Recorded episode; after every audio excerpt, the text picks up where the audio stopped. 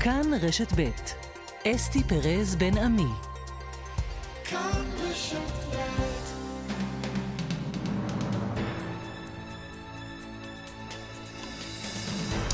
12 עכשיו וכמעט 7 דקות בחצי היום. שלום לכם, היום ה-30 למלחמה. ואנחנו איתכם, מלווים אתכם בכל החזיתות, בכל המקומות, עם כל העדכונים, הכתבים שלנו שנמצאים בכל מקום. אנחנו גם עם הסיפורים שלכם, יד ביד הולכים איתכם, עם עצמנו, את המסע הזה. העורך הוא גיא קוטב, בהפקה יעל שקד יחד עם קובי זרח, וטכנאי השידור הוא יוראי פיקר.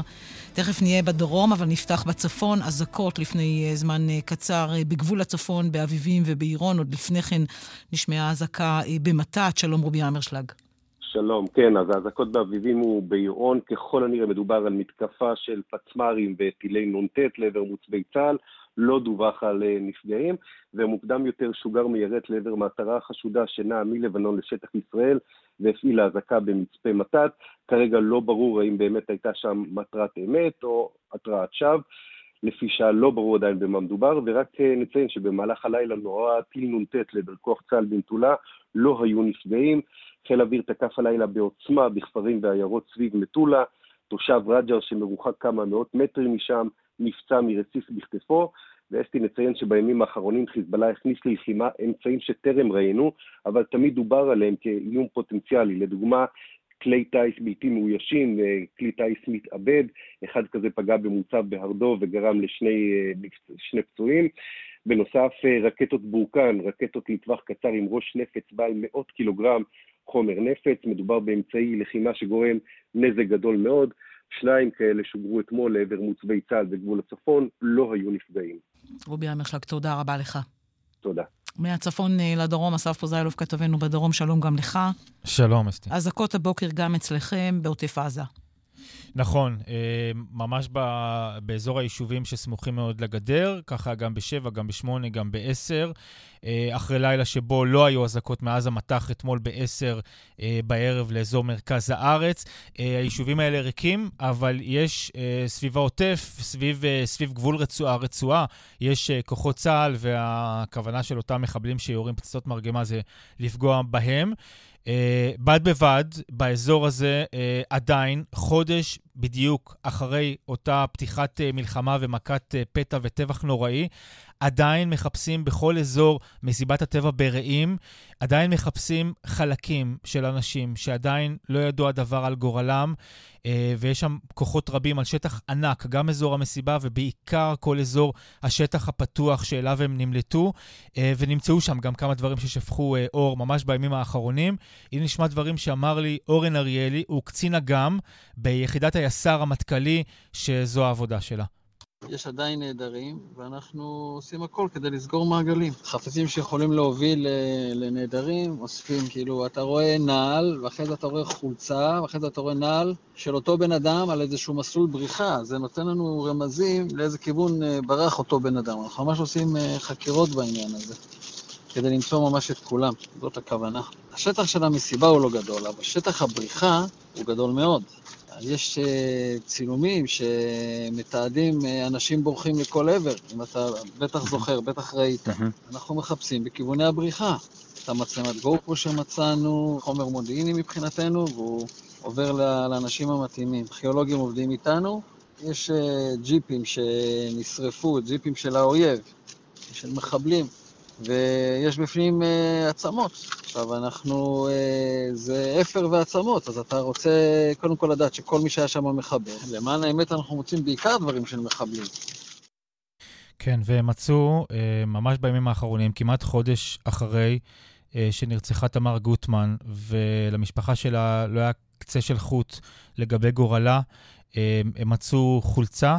ולאחר מכן הם מצאו מצלמת גו פרו שהייתה על אחד המחבלים, ושם בעצם תועד מעשה הרצח, וזה קרה בסוף השבוע, וממש אה, אתמול הם מצאו אה, אה, עוד אה, אה, פרטים אה, שבעצם אה, הראו בצורה חד משמעית שהיא נרצחה. מעידים על כך שהיא נרצחה ומתה.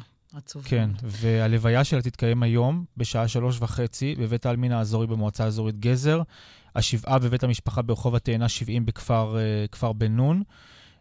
וממש עכשיו אסף. מוציא כן. דובר צה"ל... וכרמלה אה, איתנו, ומיד אה, נשמע ממנה את הבשורה הקשה. אסף פוזלוב, תודה. בינתיים תודה. הותר לפרסום כעת שמו של חייל אה, צה"ל אה, נוסף שנהרג בקרבות. כרמלה מנשה, שלום. כן, אה, הותר לפרסום, והודעה כמובן נמסרה למשפחה. סמל יהונתן מימון, בן 20 מאופקים, סיירת נחל, היה אה, לוחם אה, ונהרג אה, במהלך הפעילות בצפון רצועת עזה. עוד אה, שם של חייל שהותר לפרסום הודעה, נמסרה למשפחה, וכוחות צה"ל ממשיכים בעצם בפעילות, חיילים אה, שיוצאים אה, בפעילות בצפון רצועת עזה וגם בתוך העיר עזה, בעצם אה, מגיעים, אה, הכוחות אה, התמקדו בפשיטות בעיר באמצעות צוותי קרב חטיבתיים, אה, בהתאם למודיעין, אה, יש שיתוף פעולה אה, שסוגר מעגלים בין אה, האוויר, בין היבשה, בין המודיעין, שמסייע לכוחות להגיע מיד אה, לשטח עם אה, הדרישה של מסוק, הדרישה של אה, סיוע.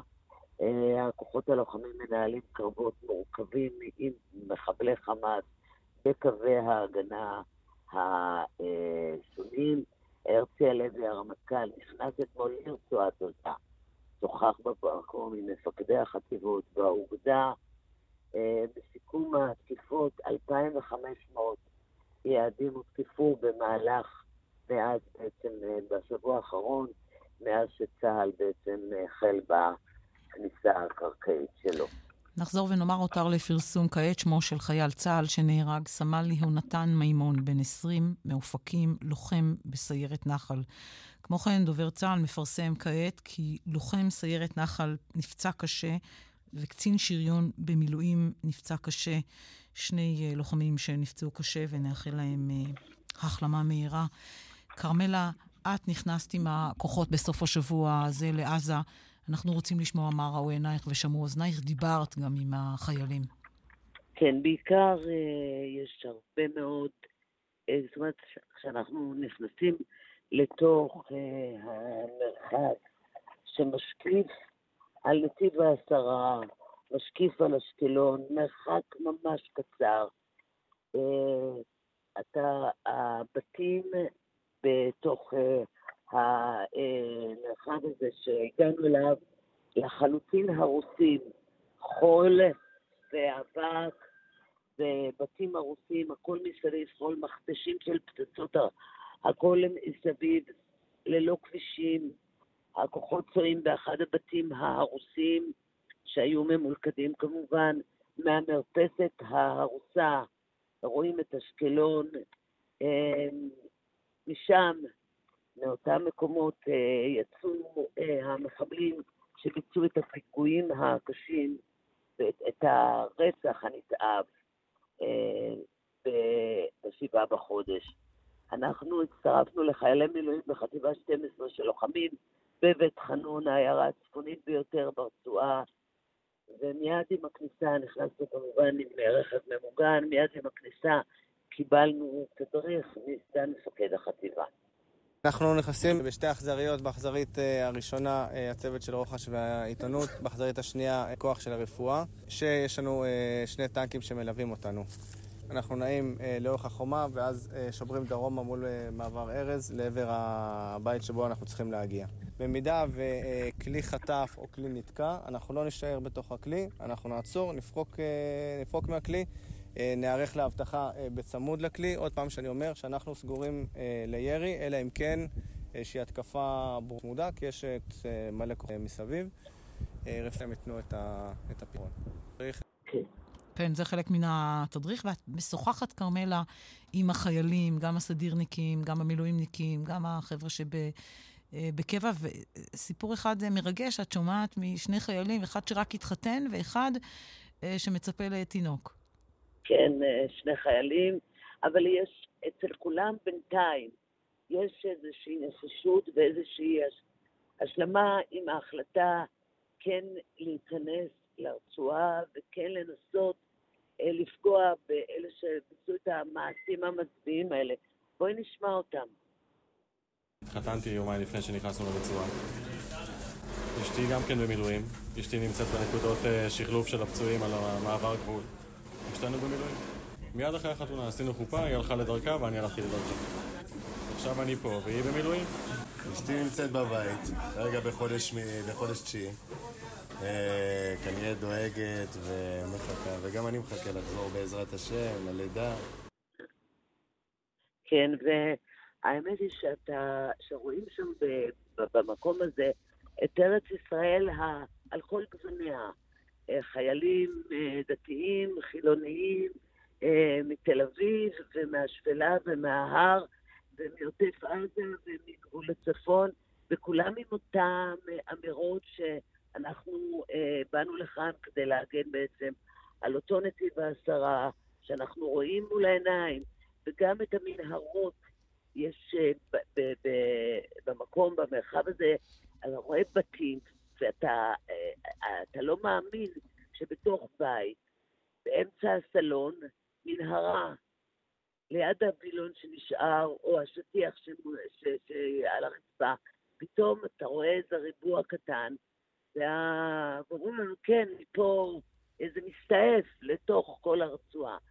כן, והיה גם, אמרנו, אוכלוסיות מסוגים שונים, היה שם גם חייל בודד, וכולם, כולם אנחנו שומעים את הגעגועים הביתה ואת הנחישות לבצע את הפעולה. נשמע אותו. אני הייתי בודד, חייל בודד, אה, עליתי לארץ אה, בגיל 18, אה, אחרי הבגרות. התגייסתי לגבעתי, שירתתי שמה גם. עכשיו, ברוך השם, אני כבר עשר שנים בארץ, נשוי, ארבעה ילדים. וגם משרת במילואים. אתה מתגעגע הביתה? כן, מתגעגע הביתה, אבל צריך לבוא, צריך לשרת, צריך לעשות פה צדק. לאחר מכן נחזור הביתה. כן. ועוד כל אחד שאת מביאה לנו עכשיו... הכי מדליקים זה באמת החבורה של המבוגרים. המבוגרים. יושבים, הם יושבים בתוך הרצועה, הם לא משחקים, קוראים לזה שאטלים. הם נכנסים עם האכזריות, עם הרכב הממוגן הענק הזה. ויוצאים, מביאים, אבל נשארים יושבים שם, מסכנים את החיים שלהם. והם התנדבו, הם אומרים, פנו אל השבט הזקן, אנחנו חמישה כאן. בואי נשמע את אחד מהם. אחד מהם בן 56, הנה. כן. אנחנו בפאתים של היישוב, זה האזור שהחטיבה יושבת בו. אנחנו פה כבר שלושה שבועות, חמישה חבר'ה מבוגרים שגייסו אותנו במיוחד, ביקשו עזרה מהפלוגה, בינתיים הצטוותנו לחטיבה, אה, עושים מה שצריך. חצינו, נכנסנו, ומחכים לפעילות, וכשצריך חוזרים ועושים את הציר הזה הלוך ושוב, על פי הצורך. אשתי עד עכשיו לא יודעת שזה מה שאני עושה. אני אומר לה שאנחנו לא צמודים לגדר. כן, צמודים לגדר. אלה הדברים. מרגשים. כן. מרגשים, ושיחזרו בשלום, ואת עושה עכשיו את דרכך אה, אה, דרומה, ותעדכני אותנו גם בהמשך, כרמלה, ותיסעי בזהירות? כן, אה, בזהירות. טוב, תודה רבה, כרמלה מנשה, כתבתנו לעיני צבא, שהייתה בעזה, הביאה לנו קולות וחוויות, ועכשיו עושה דרכה אה, לדרום. אה, כל חיילי צה"ל שיחזרו אה, בשלום, שמרו על עצמכם. אה, עכשיו אנחנו לחטופים. 241 חטופים, בהם 30 ילדים, זה המספר הרשמי שדובר צה"ל הוציא. הנה שיחה אחת. שלום לך, יעל הדר. שלום, שלום. הבן שלך, תמיר, שהיה בכיתת הכוננות בניר עוז, וסבתא שלו, חמותך, יפה הדר, נחטפו על ידי מחבלי החמאס. נכון. קחי אותי לשבת, איפה את? איפה הם? אה, כן. שבת ארורה, ארורה. עברו ארבעה שבועות ואני עוד לא מאמינה. הייתי בטוחה שתוך שבוע, שבועיים, כולם פה בגלל המסה, בגלל האופי, בגלל השונות. אה, לא מלחמה בשדה הקרב של חיילים, אלא בעורף. חושבת שהכל יהיה שונה. אה, ובשבת הזו אני מתעוררת לקול של... אה, אזעקות צבע אדום בצורה שהיא מטורפת, ואנחנו מכירים צבע אדום 20 שנה. את בשדה ניצן בזמן הזה. אני בשדה ניצן, שזה במרחב המועצה, כמה קילומטרים מזרחית לקיבוץ ניר עוז, שקיבוץ ניר עוז הוא קילומטר וחצי על הגדר. אה, אחרי 30 שנים שחייתי בניר עוז, בניתי משפחה, בחרתי לעבור יישוב באותו מרחב, אבל כל משפחתי נשארה בניר עוז. אה, הדודים, הסבים, הילדים, שבנו משפחות, ועוד דור ועוד דור, שלושה דורות בניר עוז. אה, הסבא, האבא, הבן והילדים שלו, זה כבר הדור הרביעי. הנכדים שלי זה הדור הרביעי. ואנחנו אנחנו פשוט שומעים צבע אדום מטורף. אנחנו מכירים 20 שנה את הקסאמים, את הצבע האדום. אה, אני עבדתי במועצה עשר שנים וידעתי לתת מענה, אבל יש פה משהו חריג, חריג, חריג. אה, ואני מיד שואלת את בן זוגי, מה, מה קרה? מה קרה בלילה שזה אטרף הבוקר?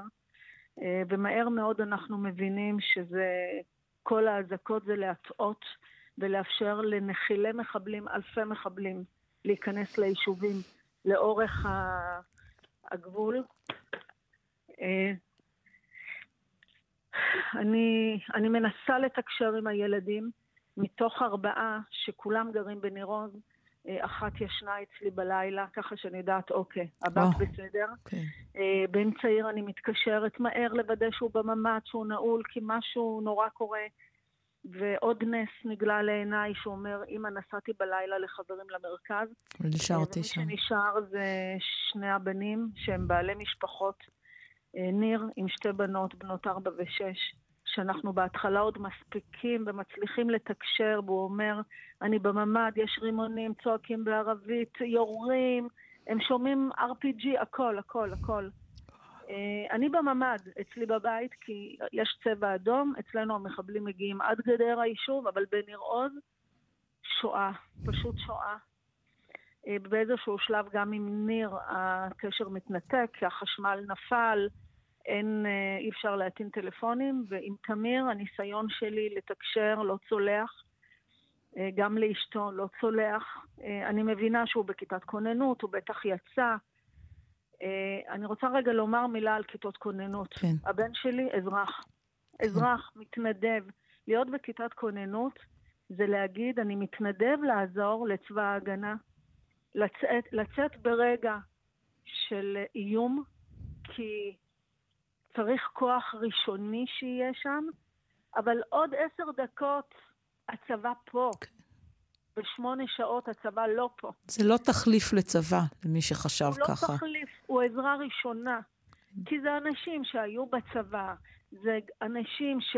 שהקהילה חשובה להם, זה אנשים שעוזבים את המשפחה בממ"ד ויוצאים להגן על הקהילה, כי עוד רגע הצבא פה. אבל, אבל הצבא לא, לא הגיע תוך עשר דקות. הצבא לא הגיע תוך שמונה שעות. הצבא הגיע כשהמחבלים כבר לא היו. לא היו קרבות בין הצבא למחבלים בקיבוץ ניר עוז, וכל אזרח במדינה צריך לדעת את זה. לא היה צבא. כשהצבא הגיע, הוא התחיל לעבור בית-בית ולגלות את הזוועות ולהוציא את המתים ולהוציא את הנרצחים ולהוציא את מי שעבר תופת, תופת, ולהוציא זה להוציא לבתים שרופים, לבתים שבורים, להוציא ילדים עירומים מפויחים. זו התמונה שהייתה שם, וככה יצאו הנכדים שלי מהממ"ד. ככה הם יצאו עם תחתונים שהם נושמים את העשן של הבית השרוף, שהם חווים שעות של ירי וקולות של שפה בערבית, גם של ילדים ונשים.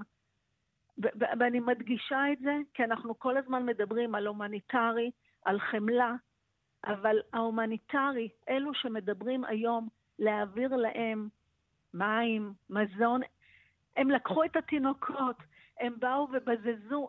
כלתי שמעה ילדים... את מדברת על אזרחים שהצטרפו למחבלים. אזרחים שהצטרפו, כי הם ראו שהחנות ממתקים פתוחה לרווחה.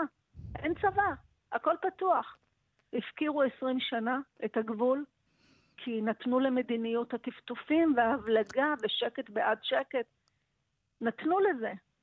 ואחר כך הפקירו את הגבול, כי הגבול, יש מכשול שעלה מיליארדים, יש מיליון טכנולוגיות שלא תפקדו באותו יום, ויבוא היום שמישהו ייתן את הדין ואת הדעת על זה. אז עברו את הגבול של הרצועה, עברו את השדות, עברו את גדר הקיבוץ, ועדיין לא היה צבא. אז זה הפקרה על הפקרה על הפקרה, המון מעגלי הפקרה, ובסוף קיבוץ שלם בשליטת חמאס. מה את יודעת, יעל, על מה עלה בגורלם? של תמיר הבן שלך, של אני יפה? לא יודעת כלום, אני רק עושה ספקולציות. אה, מתי הוא יצא, מתי ההודעה האחרונה, מה הוא כתב בהודעה האחרונה, אה, איפה הוא היה. מה הוא כתב בהודעה האחרונה?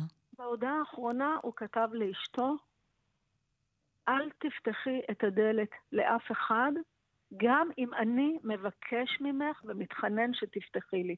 את לא פותחת. וואו. וזה נותן לי הבנה, זה רק אני מתרגמת את זה, שהוא הבין את המציאות, וזה אחרי שעתיים לחימה.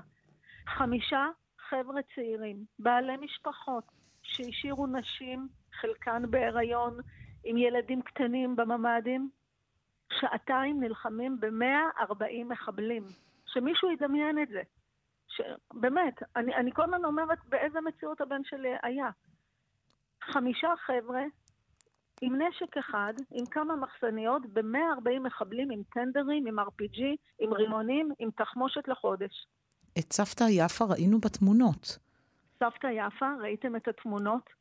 סבתא יפה הייתה בממ"ד, אין לה כוח להחזיק, היא בת 85, אין לה כוח להחזיק את הידית. הם פתחו, הוציאו אותה, העלו אותה על הקלנועית שלה, שמשמשת אותה ביום-יום לנסוע למרפאה. ולקחו אותה. ונסעו איתה לרצועה. כן. בואי, סבתא מתוקה. ונוסעים איתה לרצועה. וכולם שאלו, היא דמ- דמנטית? לא, היא לא, היא צלולה, היא מארחת, היא אוהבת לשתות יין, היא אוהבת לראות את הנכדים, את הנינים. והיא מוצאת את עצמה בעזה, וראיתם כמה גברים סביבה מאושרים שהצליחו ללכוד בחכתם את הסבתא הבת 85. כן. מביש, מביש, מביש. באמת, מי שחזר מה...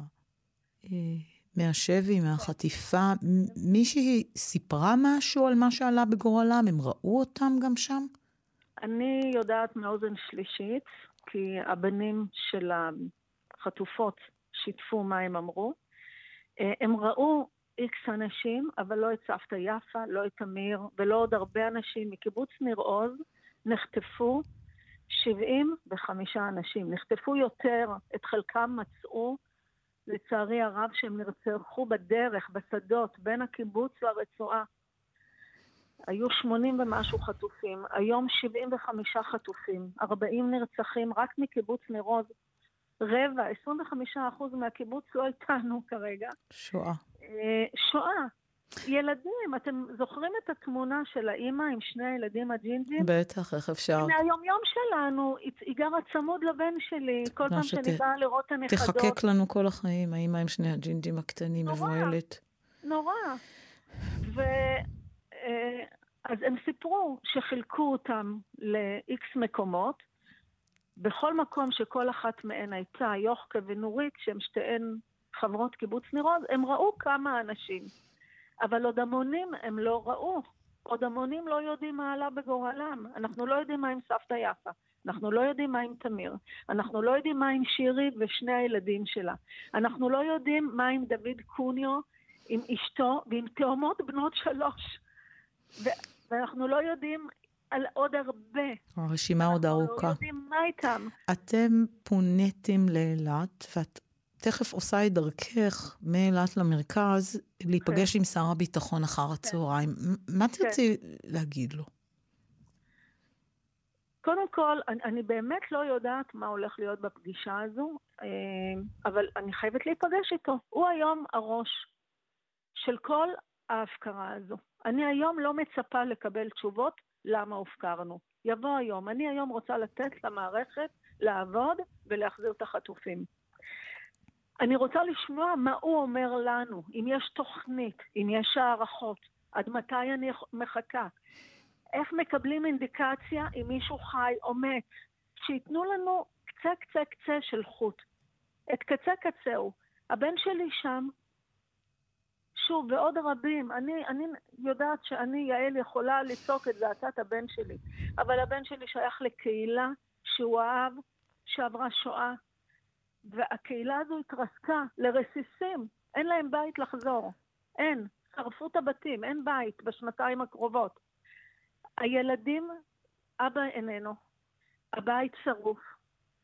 הם באילת, הם לא יודעים איפה הם יגורו, הם לא יודעים איפה הם יתחנכו. חלק לא יודעים איפה הם יעבדו. הבן שלי עם עסק עצמי קרס. זה להתחיל חיים מאפס. וזה במינוס אפס, כי זה עם משבר אמון ועם חוסר ביטחון מוחלט בחלק הקיומי והמדיני. אני הולכת לפגוש את שר הביטחון, כי היום אני רוצה לשמוע אם לא יש מה להגיד לי. מה שאני אומר לו, אני רוצה את הבן שלי ואת כל החטופים כאן, אתמול, ומה אתם עושים בשביל זה? מה אתם עושים? חוץ מההצהרה שנרסק את החמאס, ואני מאלה שאומרים, כן, צריך לרסק אותו. משום שלא ריסקו אותו, זה מה שקרה ביישוב הזה. ואם לא ירסקו, לא יהיו שם יישובים. והגבול יהיה לא יודעת איפה. הגבולות יצטמצמו. אבל להחזיר את החטופים זה לא שני אחרי ריסוק החמאס. זה ראשון, או במקביל. אני רוצה שהוא יגיד לי, ויסתכל לי בעיניים, הפקרתם אותנו? לא הקפצתם כוחות, וזה לא החיילים המדהימים. החיילים מדהימים. החיילים ביום פקודה, שם, בשביל כולם, מוכנים גם להקריב את נשמתם, וחלקם עושים את זה, וזה החלק הקשה והעצוב הנוסף שלנו כמדינה ולאום. אבל מה אתה עושה כדי להחזיר 240 חטופים הביתה, שאין בית, הבית הוא באילת, אנחנו לא יודעים איפה הוא יהיה מחר? אה, מה? מה, מה התוכנית?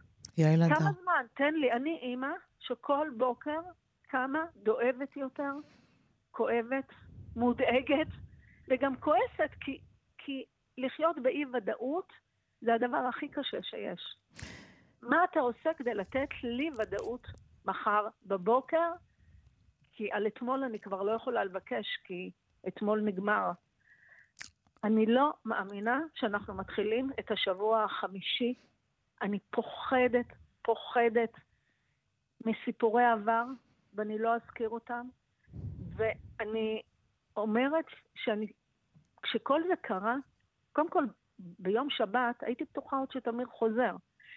סביב ארבע התחילו להוציא מהבתים השרופים, כינסו אותם במקלטים, הם היו יממה עד שהוציאו אותם ולקחו אותם לאילת. יומיים של תופת, שאימהות פתאום מגלות שהילדים אינם, שנשים מגלות שהבעלים אינם. ואני עוד בלילה שואלת, תמיר התקשר? תמיר התקשר? תמיר התקשר? ולאט לאט יש הבנה שהוא לא. אז אולי הוא פצוע והוא לא. אז אולי הוא נהרג וימצאו אותו? וכל יום שלא מגלים זיהוי של גופה, אני הופכת להיות אימא מאושרת? אבסורד של האבסורדים, אבל כשמסתיים זיהוי הגופות בקיבוץ, כי אני יודעת שבארץ עוד לא הסתיים, אני מדברת על המרחב שהבן שלי היה, שם אני מבינה שהוא חטוף, אבל אני חייבת לדעת מה הלאה. מה הלאה? אנחנו מתחילים את השבוע החמישי. הבן שלו בן שבע, נפל לו ריס לעין, והוא, ש... והוא לקח את הריס וביקש משאלה, והוא אמר לי, סבתא, את יודעת מה ביקשתי? עכשיו, אני יודעת, אבל אמרתי לו, סבתא, מה ביקשת? שאבא יחזור, שאבא יענה לי לטלפון. הילדים שלו מבקשים את אבא כל לילה. ויש עוד הרבה ילדים כמו הנכדים שלי. יש הרבה ילדים, חלקם יתומים. אני מתפללת שילדים, שהנכדים שלי לא, אבל שאבא יחזור. ואת זה שר הביטחון צריך להגיד לנו. מה הוא עושה? מה, מה המדינה הזו עושה חוץ מלרסק את החמאס? יעל הדר, שהבן שלה, תמיר, וחמותה, סבתא יפה, נחטפו על ידי החמאס. הלוואי שיחזרו בשלום, בריאים ושלמים, אלייך, לאספי, לילדים שלו כולם, לאשתו, וכך גם כל החטופים יחד איתם. תודה. אני, אני רוצה להוסיף משפט. באמת, בבקשה. אנחנו כולנו חיינו באזור הזה, כי כל השנים אמרנו שזה אחד האזורים הכי יפים בארץ. אסם התבואה של מדינת ישראל. איבדנו אדמות, הבן שלי חקלאי שאוהב את החקלאות, אוהב את ריח האדמה. כששואלים מה עושים היום, זה לא הולכים לקניון. מה עושים היום? היום הולכים לש... לעשות פיקניק לאור השקיעה בשדה ולהוציא גזר ותפוחי אדמה בידיים. זו הילדות של הנכדים שלי, זו הילדות של הילדים שלי. אל... זה החיים שלנו, אהבת האדמה והארץ הזו. אבל היינו שם כי האמנו שמגינים עלינו. האמון נשבר, נשבר, ולכן לגלנט, לביבי, לגנץ, לכל מי שיושב שם היום, יש שני תפקידים משמעותיים, חוץ מריסוק החמאס, שהם כולם עומדים שם כמו איזה גבריאדה ואומרים את זה, ושירסקו את החמאס. אחד, להחזיר את הבן שלי עם כל החטופים. שתיים, לבנות איתי אמון לחיים במדינה הזו. האמון נשבר. חייבים לבנות אמון מחדש כדי שאני אוכל לשבת, שמחר הבית שלנו יוכל להיות בכל מקום. ושלא נאמר רק רחוק מהגבול, רק במרכז הארץ. אז מי יישב בגבולות? אז תבנו איתנו אמון, ולבנות איתנו אמון ולהחזיר את הילדים היום, ואחר כך כן, גם לרסק את החמאס, כי הגבולות צריכים להיות בטוחים במיליון אחוז. יעל הדר, שבני משפחתה חטופים בעזה, תודה רבה לך. תודה, תודה רבה. אלוף במילואים ישראל זיו, מי שהיה ראש אג"ם, שלום. שלום, אסתי. איך מחזירים את האמון לכולנו? איך מחזירים את האמון ליעל ולשאר בני משפחות החטופים ובני משפחות הנרצחים ואנשים ששרדו אבל עברו אה, תופת? אפשר גם לרסק את החמאס וגם להחזיר בשלום את החטופים הביתה? 241 חטופים? אני חושב שזאת המשימה העליונה כדי אה, באמת אה, גם להחזיר את תחילתו של האמון, לא את כולו. יש דברים שייקח הרבה מאוד שנים לשקם אם בכלל, בטח למי שעבר את מה שעבר שם. והדבר השני זה באמת שינוי של המציאות. אי אפשר יהיה, מה שנקרא, להחזיר מצב לקדמותו, משום בחינה. לא מבחינה ביטחונית, אה, לא מבחינה התיישבותית, לא מבחינת סדר היום של, אה, של מדינת ישראל. אפילו צה"ל לא יכול לחזור לקדמותו. הוא יצטרך להיות צבא אחר, הוא יצטרך ללמוד את הלקחים, אה, היקף הכישלון או הקריסה שהייתה פה, אי אפשר לבוא ולהגיד, למדנו את הלקחים וחזרנו לעוד, לעוד מאותו דבר. זה לא... וזה הרבה שנים קדימה. והכי חשוב, זה כנראה הנהגה חדשה. צריך פה הנהגה ש... שתיטע אמון בציבור. אה, ההנהגה הזאת, היא... היא עושה את מה שהיא כרגע צריכה לעשות, אבל היא לדעתי חלק מהבעיה. ואני מקווה שתצמח גם הנהגה חדשה של אנשים צעירים, של אנשים ש... חוו את, ה, את המשבר הגדול וידעו לשקם אותנו מתוכו לעתיד טוב יותר. זאת ש... האמת. כשאתה שומע הבוקר אה, אה, אלוף במילואים זיו את השר אה, אליהו לא פוסל אפשרות של פצצת אטום כשהוא נשאל, הוא אומר, זה גם דרך אחת, וגם אומר, מי אמר שחיי החטופים יותר חשובים מחיי חיילי צה"ל. כשאתה שומע את שתי האמירות האלה, מי שר בממשלת ישראל, מה אתה חושב? אני חושב שאם אה, לנתניהו נשארה, נשאר שמץ של מנהיגות, חוץ משמונה שרים, צריך לקחת את כל האנשים האלה, כולל זה שציינת, אה, או פשוט לפטר אותם, או להקפיא את כל המשרדים הבלתי יעילים, בלתי רצויים, ובלתי רלוונטיים uh, לעת הזאת. הוא השעה אותו, צריך לומר, מישיבות ממשלה, אבל לא יודעת איזה משמעות יש לזה בכלל. זה, אין לזה שום משמעות, זה, המשמעות היחידה זה uh, תעודה על, uh, על חולשתו. זאת לא מנהיגות. וזה לא רק הוא. מה, מחכים לפליטת פה הבאה של עוד איזה שר מספר 30, 29, 34? למה בכלל צריך אותם? השאלה אם זה חוסר מנהיגות של נתניהו, חולשה של נתניהו, אה, אה, אלוף במילואים זיו, או שהוא יודע שהממשלה הזו, ולא משנה מי יש בה ומה הם אומרים ומה הם עושים, ומי מועיל ומי לא, היא זו שמחזיקה אותו בשלטון. זה לא רלוונטי. מה שמחזיק אותו כרגע בשלטון זה, ה, זה המלחמה והקבינט המלחמה עם כניסתו של בני גנץ. אם הם uh, חושבים שהם ישרדו אחרי המלחמה, הם טועים ומנותקים מהמציאות. הם, uh, הם, הם חלק uh, מהבעיה, הם צריכים כרגע להתמודד עם המלחמה בשביל לתקן את הבעיה שיש להם אחריות מלאה, מלאה, על מה שפה אירע ומתרחש כעת, כולל אוזלת היד הנוראית של הטיפול בעורף. ו, ואם הם מתעסקים כרגע עם, עם עתידם, אז יכול להיות שצריך להקדים את עתידם לשלב הרבה יותר מוקדם ולא לחכות עד סוף המלחמה. איך עושים את זה? לא יודע, אני לא פוליטיקאי, אסתי. אני... כן, אבל, אבל אתה אזרח חש... מודאג, ואת הדאגה שלך אני כבר שומעת חודשים ארוכים לפני שהתחילה המלחמה.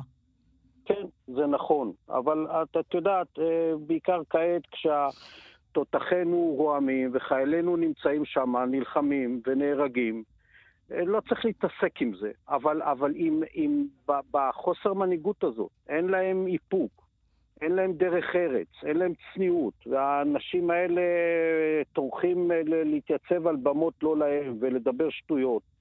אז, אז, אז לא יודע, מישהו צריך אולי להראות להם את הדרך החוצה, אני, אני לא בקיא בזה. אני רוצה לקחת אותך למה שקורה בעזה ולשאול אותך האומנם אפשר לרסק ולחסל את החמאס?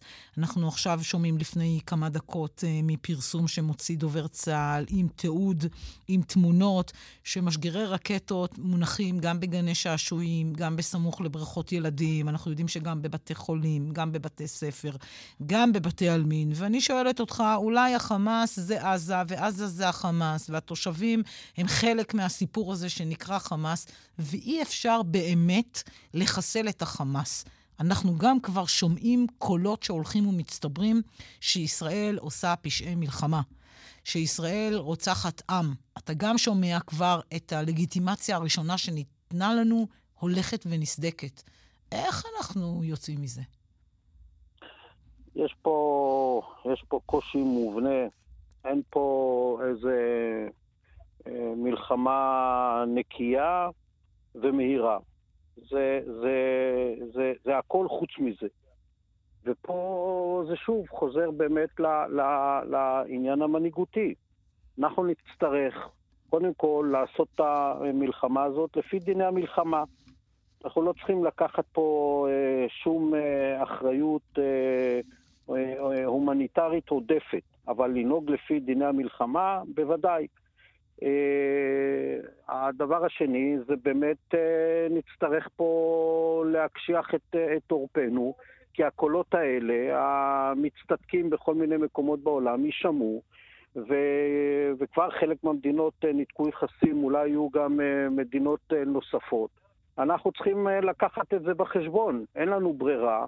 ואת העבודה אנחנו צריכים לעשות, בהתייחס לעניין הזה של, של של אה, ההכחדה של החמאס, זה ממש לא הולך להיות uh, תהליך uh, קצר. זה נראה בלתי אפשרי, בגלל זה שאלתי. לא, לא, לא, אני לא חושב שזה בלתי אפשרי, אני חושב שזה, שזה תלוי מאוד בנחישות שלנו. והדבר היחיד ש, שאנחנו צריכים באמת לוודא זה שאנחנו נחושים מספיק. Uh, החמאס בנה לאורך שנים את מה שהוא בנה. אין דיון שזה uh, הרבה, שזה עמוק, שזה מורכב, שזה בעייתי, אבל uh, כל מי חושב, חושב שאין לזה, לזה סיכוי, הוא טועה. ודאי שכן. רק צריך לקחת פה בחשבון דבר אחד. לנו יש חשיבות מאוד גדולה להחזיר כמה שיותר מהר את מערכת החיים uh, uh, לתקנה. ולכן, צריך בשלב יחסית מוקדם, כשהמלחמה בתוך עזה עדיין נמשכת, לעשות מאמץ להחזיר את, ה, את, ה, את ההתיישבות ואת אורח החיים הפנימי, אה, עדיין תחת חירום, תחת מלחמה, יהיו, יעופו רקטות מדי פעם. ופה צריך לייצב איזשהו קו הגנה כזה שהוא מאפשר מצד אחד לצה"ל את אורך הנשימה להמשיך לעשות את הפעילות המורכבת בתוך עזה, כי, כי היא לא פשוטה, זה לא איזה תמרון ואש. צריך פה להגיע למנהרות, למפקדות, להרבה אנשים, אה, יש פה המון בעיות. אבל מצד שני, צריך פה אה, להחזיר את החיים חזרה. חייבים להחזיר את החיים חזרה, כי, כי גם מה שקורה פה בעורף אה, אה, מחליש אותנו, ומעל הכל, המאמץ האדיר להחזיר את החטופים. אלוף במילואים אה, זיו, לא רק שהחמאס לא הפסיק לראות רקטות וטילים, הוא ממשיך גם כל החודש הזה, וגם מגיע לאפיקים אה, חדשים לכיוון אה, אילת. אני, מה אני אתה אומר על הדבר לא, הזה? אני אגיד לך מה אני אומר על זה. אני אומר על זה שהוא בנה מראש את האופציה הזאת כדי להראות, הנה אני שריר וקיים. ואני לא הייתי אה, מתרגש מזה, זה לא נעים, זה בעיה. אה, אבל, אבל זה לא מעיד, הוא כהוא זה, על, אה, על אה, מצבו. זה מעיד שהוא תכנן מראש להראות לנו, הנה תראו, אני עדיין מסוגל לראות. זה אגב דבר שגם ראינו אותו בסבבים קודמים, אפילו במלחמת לבנון. הוא חוזר על, על, על, על אותו תרגיל. אבל uh, זה ממש לא מעיד. יכול להיות שאת יודעת, ביומו האחרון עוד תיירה איזה רקטה. אז מה זה אומר? שמצבו mm. טוב? זה ממש לא אומר את זה. מילה אחת על נסראללה, תגיד לי. ראית אותו ביום שישי. ההתרשמות שלי שזה היה סוג של אה, טקס אה, פרידה מהחמאס והסבר על המס שהוא, שהוא שילם. תראי, יותר חשוב ממה שראו על המסך, זה מה שהוא אולי מתוך הבונקר ראה מסביבו את, ה, את, ה, את המלא האנשים האלה, לא יודע כמה היו שם, ואת ביירות שלמה. ואני חושב שהוא לא מתגעגע להסתכל פעם הבאה במצלמה ולראות שביירות אה, נעשית דומה כמו עזה. אבל, אה, כמו שכבר למדנו, מידת הצניעות, דברים גם יכולים להתגלגל אחרת. אני חושב שצה"ל יכול אפילו להרחיב את אה, פעילותו בצפון כדי לייצר גם שם מציאות שיוכלו המושבים והקיבוצים לחזור שם לקו הגדר ולא לראות אה, פרצוף של חיזבאללה מול העיניים. הרי אתה אומר לא אה, להתרגש מהחמאס והטילים ארוכי הטווח, מהחות'ים, אתה אה, מתרגש? לא. לא. הם, הם, יש לנו, אנחנו ערוכים לזה. המגננה שלנו יודעת ליירט את זה. אה, תראי, האיראנים בנו את התרחיש הזה של, של, של רב-זירתי, אבל זה לא באמת רב-זירתי. יש פה בעצם שתי זירות אמיתיות, שתיים וחצי. זה החמאס, שצריך לטפל בו, הזירה הזאת של החיזבאללה, זה לא חדש, והניסיונות האלה לייצר בסוריה משהו יותר ממשי. כל השאר זה, זה, זה, זה רעש רקע. אה, כמובן, חלילה טיל כזה פוגע, יכול להרוג, זה, זה לא, אני לא מזלזל בזה, אבל זה לא, זה לא דבר שבגינו נכון להסיט כרגע את הקשב ואת המאמץ המרכזי במלחמה בחמאס כדי עכשיו לפתוח איזה כן. חזית נגד החות'ים. אה, שימשיכו לראות את הטילים ולתופף על, על תופים, אנחנו לא צריכים להיכנס לזה עכשיו. הפוגה הומניטרית, זה על הפרק, זה על השולחן, האמריקאים דורשים את זה, וזה גם יכול אולי לעזור בשחרור החטופים. כל מה שהומניטרי בד, בדרום, למקום שבו יש אה, אה, פליטי תושבים שם, צריך לטפל, צריך לאפשר את זה. ישראל לא צריכה למנוע את זה, זה חלק מעניין של חוקי המלחמה. זה נותן לנו גם את אורך הנשימה במלחמה עצמה מול החמאס. אה, גם פה מערבבים אה, פוליטיקות והסתכלו, צריך להסתכל על הכל בקור רוח תועלתי. זה לטובתנו, זה לא עניין של לטובתם, זה לטובתנו כדי שהאמריקאים לא יסגרו מחר את הברז, זה נורא פשוט, לא צריך פה להיות תוחכם. אלוף במילואים ישראל זיו, מי שהיה ראש אג"ם, תודה רבה לך על השיחה הזו, ישראל. תודה, אסתר. עמוד שפירא, כתבנו לענייני משפט, שלום. שלום, אסתי. מהדקות האחרונות השר לוין מודיע לבג"ץ שיכנס את הוועדה לבחירת שופטים תוך 15 יום. כן, אז לפחות דבר אחד uh, כבר uh, טוב בהחלט בוויכוח הזה שהיה בעולם הקודם שלנו. Uh... לא, הקוונטום uh, שלך, אמוץ, uh, נופל לנו, לא שומעים אותך כמו שצריך. אני מקווה שנוכל תכף להחזיר את uh, אמוץ uh, שפירא. או בקוונטום, שעושה לעיתים בעיות, אולי בקו הטלפון. אנחנו מדברים עם אמוץ uh, שפירא uh, בעניין לוין והוועדה לבחירת שופטים. מיכאל שמש, שכתבנו הפוליטי, אתה איתנו, אנחנו נחזור לאמוץ עוד מעט. שלום, מיכאל. שלום, אסתי צהריים טובים. ואנחנו מדברים על uh, עמיחי אליהו, הדברים שהוא אומר בריאיון לכל uh, ברמה, והעונש שהוא מקבל, uh, הוא לא יושב בישיבות ממשלה, לא יודעת כמה ישיבות ממשלה הן מהותיות בימים אלה. נכון, דבר ראשון צריך להגיד, ישיבות ממשלה, היום הייתה אמורה להתקיים אחת כזאת, ברגע האחרון התבטלה, אבל uh, בשורה התחתונה זה לא עונש אמיתי, וזה בסך הכל, uh, איך אמר היום עמיחי אליהו, התכוונתי באופן תיאורטי, אז נתניהו מתכוון להעניש את השר עמיחי אליהו באופן תיאורטי, נותן לו עונש שלא באמת קיים ברשימת העונשים. כן. אה, השעיה מישיבות הממשלה על הדברים השערורייתיים שהוא אומר הבוקר בעליית אדם נשמע נשמע ביחד קטע מדברים עם המאזינים, בבקשה. זאת אומרת, השר אליהו, אם לשיטתך בעזה אין, אין אה, בלתי מעורבים ולא היו צריכים להכניס סיוע הומניטרי, מבחינתך מחר בבוקר הציפייה שלך שהיינו מטילים מה שנקרא איזושהי פצצת אטום על כל עזה, משטחים אותה, מחסלים את כל מי שנמצא בה, ובא לציון גואל? זה דרך אחת. ודרך שנייה היא גם לבדוק מה חשוב להם, מה מפחיד אותם, מה, מה ייצור להם את ההרתעה הבאה. זה שאתה הורג אותם, הם, הם, הם, הם, הם, הם חלק... הם לא מפחדים מהמוות, צריך לזכור את זה. אנחנו לא לוקחים בחשבון שיש לנו 240 או אפילו יותר מספר כל כך גדול של חטופים שנמצאים שם? אסור לקחת את זה בחשבון. במלחמה אנחנו משלמים מחירים, מה זה, מה זה חטופים? אני, אני אומר, החטופים, למה החיים של החטופים, שאני מאוד רוצה שישחררו אותם? נתפלל, יותר חשובים מהחיים של החיילים. כן, זה קטע מן הדברים. מיכאל. כן, אז הדברים האלה מעוררים אה, זעם מאוד גדול. נתניהו מתנער, שר הביטחון מתנער, אומר מזל שאלו האנשים אה, לא מופקדים על אה, ביטחון ישראל. בשורה התחתונה, כפי שאמרנו, עונש מטאפורי. לשר עמיחי אליהו, הוא לא יוכל להגיע לישיבות הממשלה, על אמירה שהוא טוען שהיא מטאפורית, אבל גרמה נזק מאוד גדול אה, לממשלה ולמאמצים שלה בכלל. תודה רבה, מיכאל. להתראות. לא רק בישראל מבקרים את ההתבטאויות של השר אה, אה, עמיחי אליהו.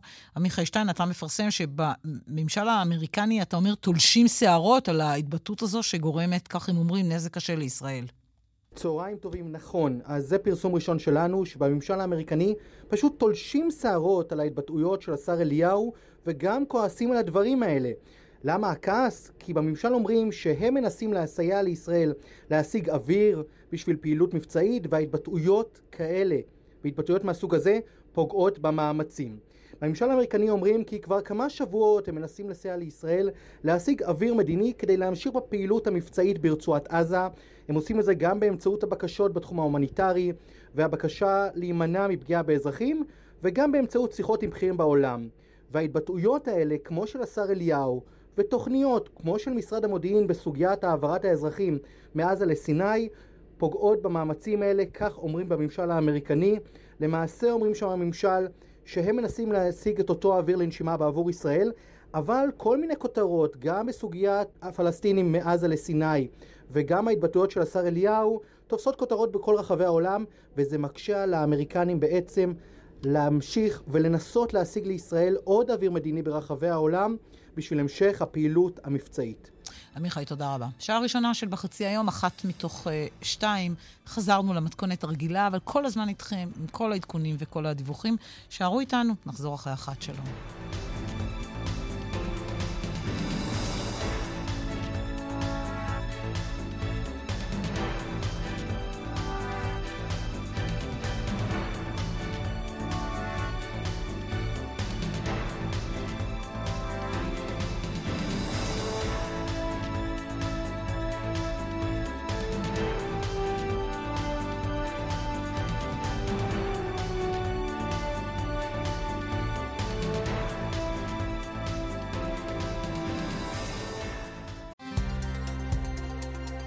כאן רשת ב' אסתי פרז בן עמי.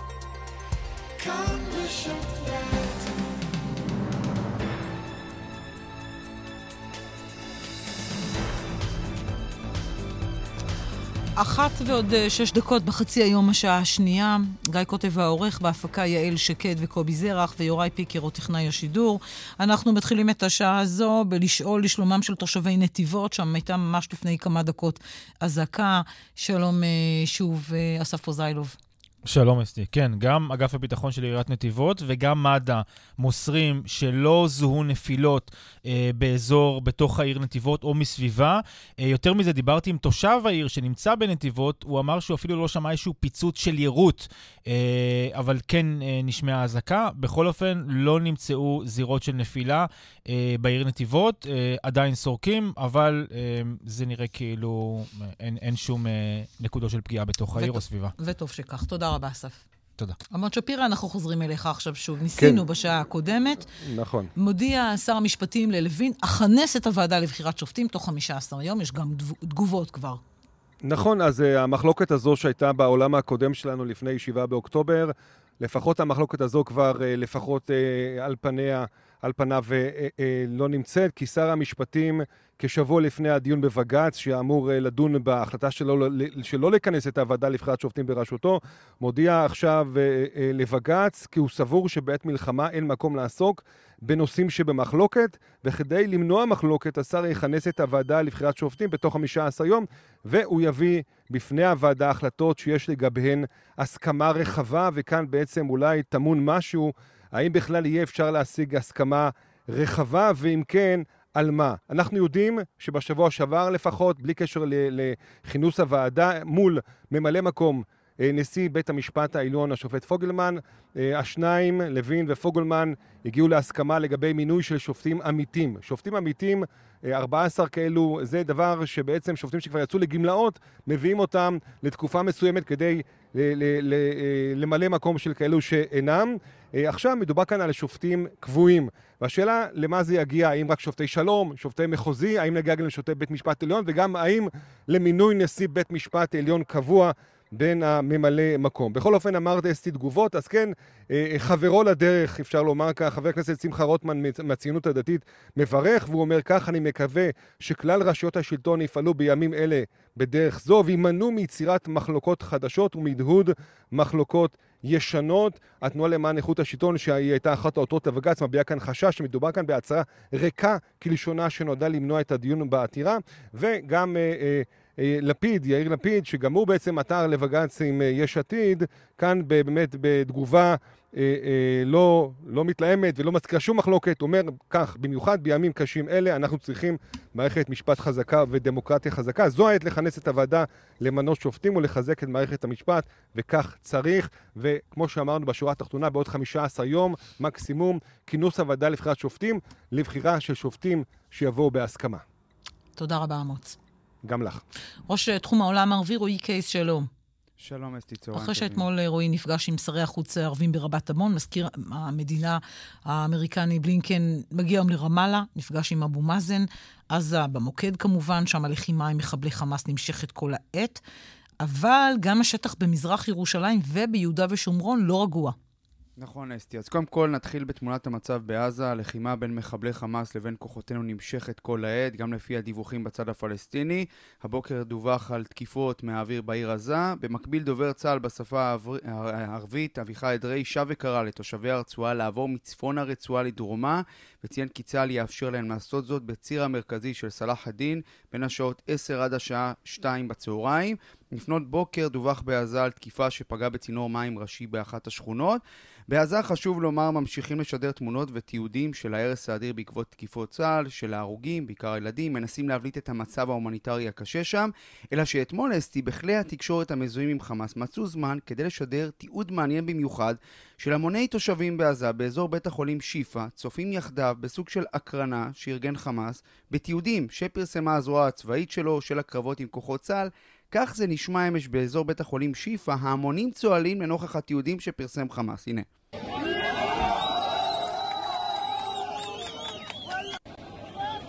כן, אסתי, אז אלה הקולות, ונסביר למאזינים שבתיעוד המדובר היה אפשר לראות שהכל די מואר ושיש חשמל, ברקע כל השיח סביב הכנסת הדלק לרצועה. באותו עניין נגיד שגם היום נכנסות עשרות משאיות סיוע הומניטרי לעזה, משאיות שמכילות מים, מזון ותרופות, דלק בינתיים לא, זה בשטח. לגבי המישור המדיני, אז אנטוני בלינקן, כמו שציין מזכיר המדינה האמריקני, שהגיע לישראל ביום שישי, הגיע היום לרמאללה, נפגש עם ראש הרשות הפלסטינית אבו מאזן, במוקד ההתפתחויות ברצועת עזה. הוא צפוי אגב גם להגיע לעיראק בהמשך. אתמול הוא היה ברבת עמון, נפגש עם שורה של שרי חוץ ערבים מירדן, מצרים, קטאר, סעודיה והאמירויות, כדי לדון במצב בעזה. שרי החוץ הערבים שבו וקראו להפסקת אש מיידית, להכנסת עוד סיוע הומניטרי. היום שר החוץ הקטרי וראש ממשלת קטאר, מוחמד עבד אל-רחמן אל-סאני, התייחס במסיבת עיתונאים עם שרת החוץ הצרפתית גם למאמצים הנמשכים של ארצו בעניין החטופים, וקשר אותם להתפתחויות בלחימה בעזה. הנה הדברים שלו. جهود بالوساطة القطرية في مجال إطلاق سراح الأسرى والتي ما زالت مستمرة ו... כן, אז זהו שר החוץ הקטרי, מוחמד עבד אל-רחמן אל-סאני. מאמצי התיווך של קטאר, הוא אומר, בסוגיית שחרור החטופים נמשכים, למרות שהם עמדו כלשונו בסכנה בגלל הדלפות שקריות והסתבכות המצב בשטח בשל הפעילות הישראלית. קטאר לדבריו תמשיך במאמצים שלה לשחרור כל החטופים האזרחים, ובמקביל כדי שהאחים שלנו בעזה כלשונו יחיו בביטחון ובשלמה ושההסלמה תפחת. לסיום נתייחס כאמור לעוד זירה, הבוקר תמונות לא שגרתיות, לפנות בוקר, תמונות לא שגרתיות באבו דיס בסיס מזרח ירושלים, מבוקש פלסטיני בשם נביל חלביה התבצר בביתו, נהרג בחילופי אש עם כוחות הביטחון. לפי ההודעה של צה"ל ושב"כ, נביל חלביה היה פעיל של דאעש, כלוא לשעבר בשל פעילות טרור. אחרי שחרורו, מיידית, הוא החל לגייס חוליות ורכש נשק ואף ביצע פיגוע ירי לעבר כוחות צה"ל, זה היה ביולי 2023. שני פלסטינים נוספים נהרגו בעימותים סביב ניסיון המעצר שלו. כרקע נגיד שמתחילת המלחמה התגברו מאוד המעצרים והפעילות של צה"ל ביהודה ושומרון, ומדובר באלף פלסטינים שנעצרו רק בחודש האחרון, מאות מתוכם פעילי חמאס. רועי, תודה רבה לך על כל העדכונים. תודה. אחת עכשיו ועוד 13 דקות. אנחנו ממשיכים כל יום, כאן בחצי היום, לשמוע את הסיפורים שלכם, הסיפורים של כולנו. הנה שיחה שהקלטנו אה, לפני שעה קלה עם אבא של קרידו, אבא של עידו רוזנטל, לוחם שלדק, הוותיק ביותר, הוא היה בן 45 וחצי כשנהרג ב-7 באוקטובר. כל יום אנחנו מכירים גיבורים חדשים. הנה סיפורו של קרידו, עידו. שלום לזאביק רוזנטל, אבא של עידו. צהריים טובים. תנחומיי על האובדן של עידו, רב סמל בכיר עידו, בן 45, עידו רוזנטל, לוחם של דג, שנהרג בתחילת המלחמה, היה אולי הלוחם הוותיק ביותר ביחידה, בן 45. אכן. קח אותי לשבת ההיא, ל-7 באוקטובר. עידו היה בבית, ויצא לכיוון הבסיס שלו, כמובן שהוא כנראה התקשר לפני כן, ובבסיס ישר ציוותו אותו אה, לצוות לא אורגני. כסגן מפקד היחידה היה מפקד הצוות, עידו היה מספר שתיים, והיו עוד ארבעה לוחמים. אה, הטיסו אותם לאזור של כפר מימון, שם הם פרקו את כלי הרכב היהודי שיש להם בתוך המסוק, והתקדמו כשהמטרה הייתה להגיע לקיבוץ בארי, לעזור לצוות שכבר הגיע לפניהם קודם לכן. ההערכה שלי שזה היה בסביבות עשר בבוקר. כן. בדרך הם נסעו אה, תחילה ברכב היהודי והם אה, זיהו מחבל על הכביש, חיסלו אותו, המשיכו לתא השטח שבין קיבוץ בארי לבין קיבוץ עלומים, שם הם פרקו מהרכב, השאירו שני לוחמים אה, כצוות חילוץ, והמשיכו ארבעה להתקדם אה, רגלית. אה, לפתע הם זיהו חוליה של 30 אנשים 30 מחבלים שיצאו מקיבוץ בארי עם אלונקות אה, לעבר כיוון אה, קיבוץ עלומים. ובתחילה הם חשבו שאולי יש שם פצועים או חטופים, אבל כנראה שזה בסופו של דבר היה ציוד, והם החליטו להסתער, כמובן צמצמו טווח. והסתערו, ירו והרגו קרוב ל... או בערך עשרה אה, מחבלים.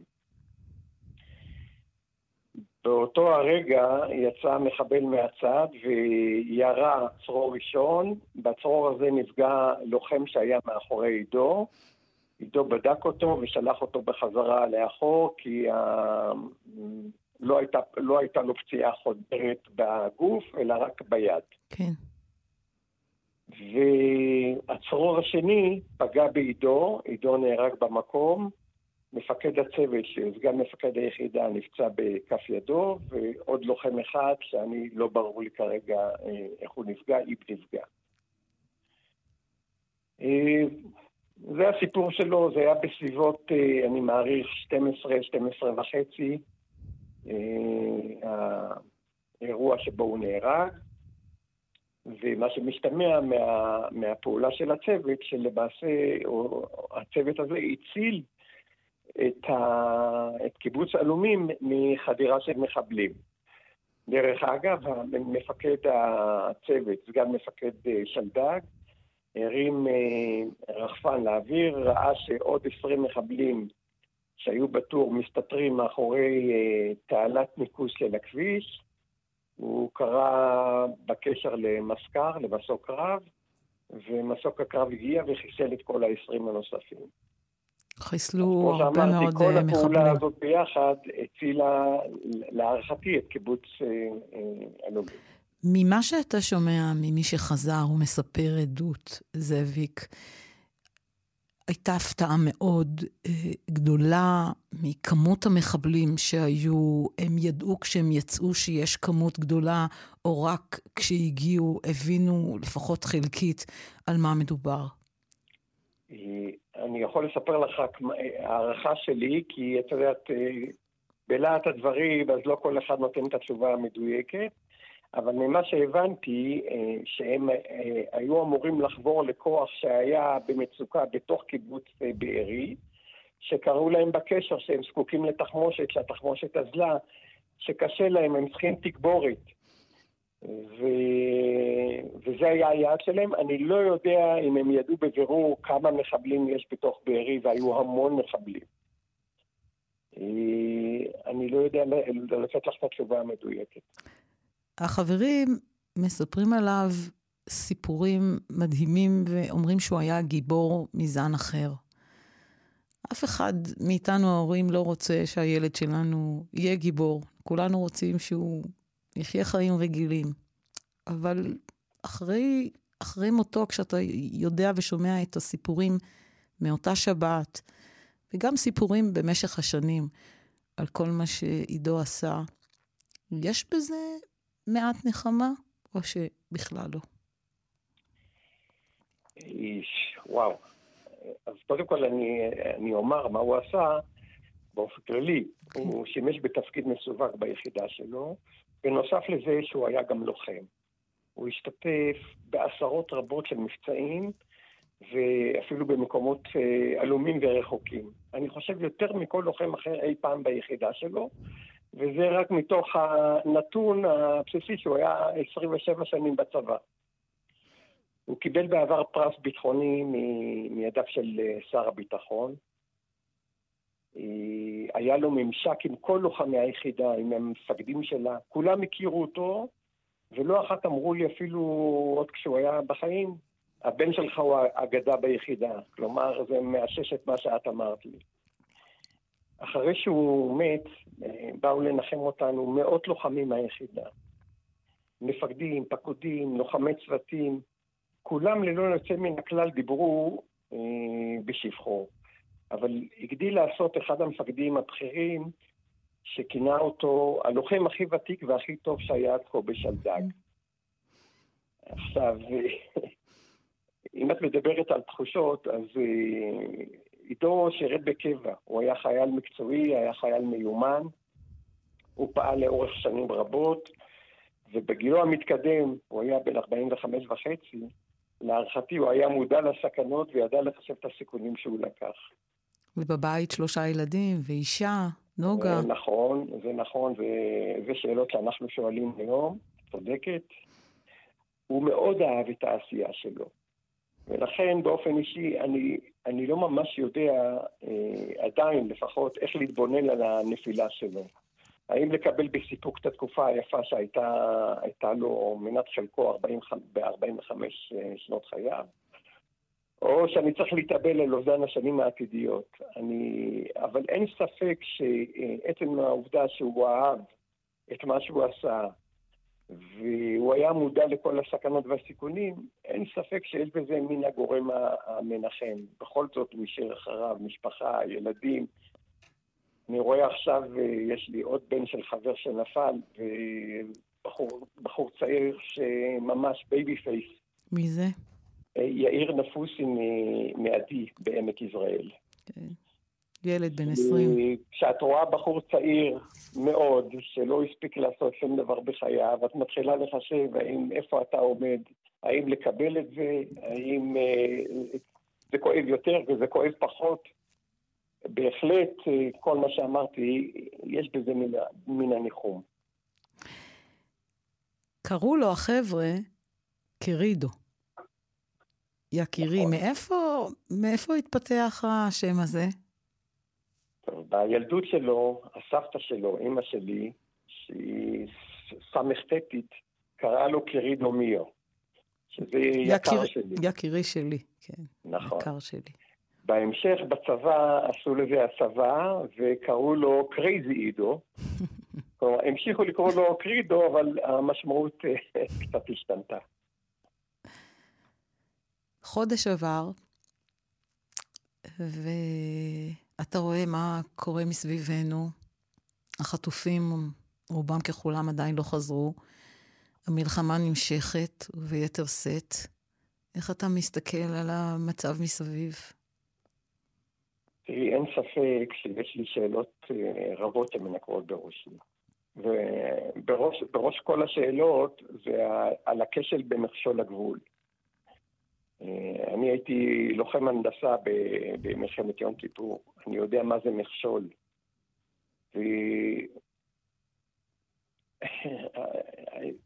זה רק דבר אחד, יש גם את היעדר המודיעין, אי המוכנות אה, אה, בהגנת היישובים. יש הרבה שאלות, אבל אני חושב שבשעה כזאת, כאשר הלחימה ברצועת עזה עדיין בעיצומה, אני אשתדל אה, לדחות את השאלות הללו. אני מאמין שעוד אה, ידובר על זה הרבה. בעתיד. ספר לי סיפור אחד קטן על עידו, שלא קשור לצבא, שלא קשור לשלדג, שלא קשור לביטחון, שקשור לילד שלך. טוב, אז קודם כל, עוד, אה, עוד, עוד משחר נעוריו, מה שנקרא, בלטו בו תכונות מיוחדות של ידע רב. הוא היה איש עקרונות וגם שובבות נפש. התכונות האלה ליוו אותו גם בחייו הבוגרים. אה, אני חושב שהדמות הנערצת עליו והמודל לחיקוי שלו היה הסבא שלו, שממנו הוא שאב את התכונות של הלוחם חדור המטרה. אה, הוא היה גם איש משפחה. אה, בת זוגו נוגה, דוקטורנטית לסוציולוגיה, והייתה ביניהם אהבה גדולה ומיוחדת. הם הכירו דרך תחביב של, אה, תחביב משותף, תחביב של טיפוס. הם הדביקו בזה גם את הילדים שלהם. אה, סיפור, אני יכול לספר לך סיפור שהוא דווקא קשור לצבא, אבל הוא קשור גם לאזרחות. כן. אימא שלו ואחותו נסעו לפני כ-20 שנה לקניה שבמומבסה. כן. סליחה, למומבסה שבקניה. כן. והיה שם, המלון שלהם היה אירוע חבלני ופוצצו את המלון והם רצו לחוף הים והעבירו שם את הלילה. בבוקר למחרת אשתי יושבת ככה עם הראש למטה, מתעסקת עם הדברים שלה, ופתאום היא רואה, מרימה את הראש, רואה את הבן שלה מול העיניים, ושואלת אותו, מה אתה עושה פה? אתה יודע שהיה פיגוע? היא שואלת אותו. אז הוא אומר לה, כן, בשביל זה אני פה. אז אה, סיפור קטן. סיפור קטן, אבל גדול. זאביק רוזנטל, אבא של עידו רוזנטל, קרידו, לוחם של דג, שנהרג בתחילת המלחמה, הלוחם הוותיק ביותר ביחידה. תנחומינו שוב ותודה רבה שלכמה דקות נתת לנו להכיר את עידו, כרידו שלך. תודה רבה לך.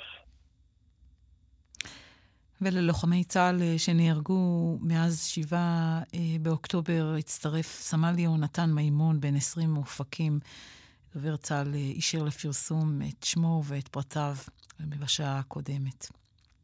עכשיו אנחנו שוב לצפון ולמצב בצפון, ורובי עמרשלה כתבנו שם חוזר אלינו. שלום רובי. מסטי. שקט בשעה האחרונה מאז שדיברנו? כן, בגדול כן, רק uh, בעניין שבו פתחנו את השעה הראשונה, הדיווח על האזעקות שהיו באזור אביבים, אז מדובר ביירוט uh, שלנו, של כלי טיס מאויש מרחוק, שחיזבאללה ניסה להחדיר לתוך שטח ישראל. אין נפגעים באירוע הזה, חיזבאללה התפארו בתמונות, לפיהם הם הצליחו להוריד כלי טיס שלנו, אז מדובר בהפוך על הפוך, אנחנו הפלנו כלי טיס שלהם, צה"ל בתגובה תוקף גם בארטילריה לעבר מקורות הירי בלבנון. אנחנו מנסים, אה, מאז תחילת המלחמה, מאז תחילת המערכה בחלק הצפוני ש, שלנו, רובי, מדי יום כאן, בעזרתך, במשדר הזה, לשאול לשלומם של תושבי הצפון, ואנחנו מבינים שהבעיה הולכת וגדלה. יש את התושבים שפונו, ויש את התושבים שהיישובים שלהם מאוד סמוכים לאלה שפונו והם לא פונו, וגם הם בבעיה, או שהם פינו את עצמם, או שהם יושבים שם, והלחץ הוא מאוד גדול. מצטרפת אלינו עדי יקוטי טגנר, נגיד לך קודם שלום, ממושב עבדון, שלום. שלום וברכה. שלום. רובי, תן לנו, תציג לנו את, ה, את תמונת הבעיה שהולכת וגדלה. בגדול מדובר על לא מעט יישובים, בהם כפר סולד, עבדון, אה, מטת, אה, סליחה, לא מטת, אה, מנות, שורה ארוכה של יישובים לכל אורך קו העימות, שהם מרוחקים במקום 4 קילומטרים או 5 קילומטרים, 5 קילומטרים ו-500 מטרים מהקו שאותו קבעה מדינת ישראל, והם מוצאים את עצמם בתוך חזית, הם מוצאים את עצמם תחת ידי פיצוצים, נפילות, חלק מהיישובים האלה הפכו לבסיסים בעצמם, הם מלאים בהרבה מאוד כוחות של צבא. רובם הגדול התפנו בהמלצת ראשי הרשויות, הם משלמים מכיסם כבר חודש ימים על השהות בבתי מלון ובתי הערכה, הם לא מצליחים לממן את זה, הם פונים שוב ושוב למקבלי החלטות, בבקשה, אנא תתייחסו גם אלינו. אני אתן לך אמ, דוגמה למשהו שקיבלתי היום בבוקר, בפעם המי יודע כמה, מקיבוץ כפר סולד. כן. אומר לי בן אדם, אנחנו תקועים בכפר סולד, המרחק בינינו לבין שאר יישוב שפונה כ-500 מטרים. אנחנו כאן תחת אש, תחת התראות, תחת פיצוצים בלתי פוסקים, וכשאנחנו רוצים לנסוע לקריית שמונה לעשות קניות, הרבה מאוד בתי עסק שם סגורים, יש התראות כל הזמן, המצב מאוד לא פשוט, וכל כל מקבלי ההחלטות, המדינה בעצם מפנה להם עורף ואומרת, אתם לא זכאים לא לפינוי ולא לפיצוי. עדי, ספרי לנו כן. על המצב אצלכם. אה, ככה, אז אנחנו אה, מושב עבדון, אנחנו 3.7 קילומטר מהגבול, אנחנו בתוך ההחלטה של 04. אה, כמו שרובי אמר, חלק מהיישובים שלנו הפכו ממש לבסיסים צבאיים. אה, בומים בלי הפסקה. אה, מעבר לבומים זה האיום, אה, גם האיום הרקטי וגם האיום של חדירת מחבלים. לדוגמה, בין המרפסת שלי ליישוב מצובה, לקיבוץ מצובה שפינו אותו, מפרידה גבעה די, די נמוכה. גם את יערה פינו, שזה שתיים וחצי, יש, יש כביש בינינו שמחבר בשתיים וחצי דקות נסיעה. לא ברור לנו למה לא מפנים אותנו. יש המון המון אנשים שהתפנו אה, בכוחות עצמם. אנחנו, לדוגמה, היינו 16 יום אה, מחברים לחברים. אה, פיניתם את עצמכם, קיבלתם החלטה פיני, ופיניתם את עצמכם. פינינו את עצמנו, כן, פינינו את עצמנו, ואנחנו אה, מעל שבוע נמצאים אה, במלון בנתניה. בנתניה על חשבונכם? שהוא בעצם, לא, שהוא לא. בעצם מתרומות שהמועצה קיבלה. תרומות, אבל זה לא המדינה. זה אנשים לא, טובים. לא, זה לא המדינה. זה לא המדינה. בכלל, אנחנו ממש... נהיינו מדינה בתרומות כולנו כאן. אה, לגמרי, כן. כן. אם עכשיו, אם היום מפנים... שזה יפה ומקסים, אבל זה בוודאי לא הדרך. אה, נכון, אני אגיד לך גם עוד משהו. אני עובדת סוציאלית אה, בהכשרתי, מטפלת בטיפול ממוקד טראומה, בשכול ואובדן, בכל מה שעכשיו בכותרות. שני העסקים שלי סגורים, ועוד עסקים של אנשים, אבל מה שאני רוצה לדבר על העניין של הטראומה, ברגע שאתה מפנה קהילה, באופן מרוכז. יש את הצרכים הבסיסיים של ביטחון, גם קיומי מבחינה כלכלית, לא רק ביטחון אה, פיזי, אז אפשר לייצר איזושהי שגרה. אה, ממצב של חוסר אונים למצב של, אה, של עשייה, של משמעות, של תפקוד. אלה מדדים שמאוד מנבאים על מניעה של פוסט-טראומה. כן. אה, בהמשך. חשוב. ילדים שמפונים באמצעות המדינה כבר יכולים להשתלב בבתי ספר, נכון. במסגרות. אז הם מייצרים איזושהי שגרה. כן. נכון ש... שגרה וביטחון יחד איתה. בדיוק. כן, רובי בדיוק. בוודאי רוצה לשאול שאלה אחת. כן, מה, מה באמת עושים עם הילדים בימים האלה? אני מבין שלהיות בבית זה בלתי אפשרי, מערכות חינוך אה, לא עובדות. מה מספרים לילדים? איך מעבירים את הזמן עם הילדים? אה, אנחנו מסתכלים על יום ביומו, אין לנו פה מה לתכנן, אנחנו מאוד ממוקדים בעכשיו, הן כל הזמן שואלות אותי שאלות, מה יהיה ומה נעשה ומה היום ומה מחר. אה, אנחנו חכמים רק להיום, אם לא להרגע. אה, כל אחת, יש לי שישה ילדים, יש לי תאומות בנות 16, תאומות, תאומות בנות 13, ילדה בת שבע וחצי ופעוט בן כמעט שלוש. כל אחד עם הצרכים שלו, הרגשיים, הפיזיים, הנפשיים. אה, מאוד חסר העניין של החברה. אה, יום ביומו אנחנו מנסים לייצר משהו ביום-יום. אבל עוד פעם אני חוזרת על זה, ברגע שיש לנו פינוי מסודר, אנחנו כן. יודעים טיפה-טיפה לאן פנינו. בהחלט. אנחנו נשים כאן נקודה, נמשיך לעקוב אחרי גם מה שקורה אה, לכם. תודה רבה לך, עדי יקוטי טגנר, אה, ותודה רבה, רובי. בבקשה, ואני מאוד מקווה שזה. יגיע לאוזניים הנכונות, כי אתם באמת עושים עבודה נפלאה וכבר שמעו אותנו בכמה ראיונות, אבל שמישהו ייתן את התשובה ויגיד לנו שזה בטוח לחזור. בטוח זה בטוח לא, אבל שמישהו יגיד לנו לאן פנינו. תודה רבה. להתראות, תודה, תודה רבה. תודה, רובי. תודה. בשבוע שעבר אסירים ביטחוניים קטינים בכלא מגידו ניסו להוריד את דגל ישראל שנתלה שם, נשלחו לבידוד. שלי טפיירו חושפת כי לא רק בידוד, אלא שורה של סנקציות חמורות שלא נראו כמותן.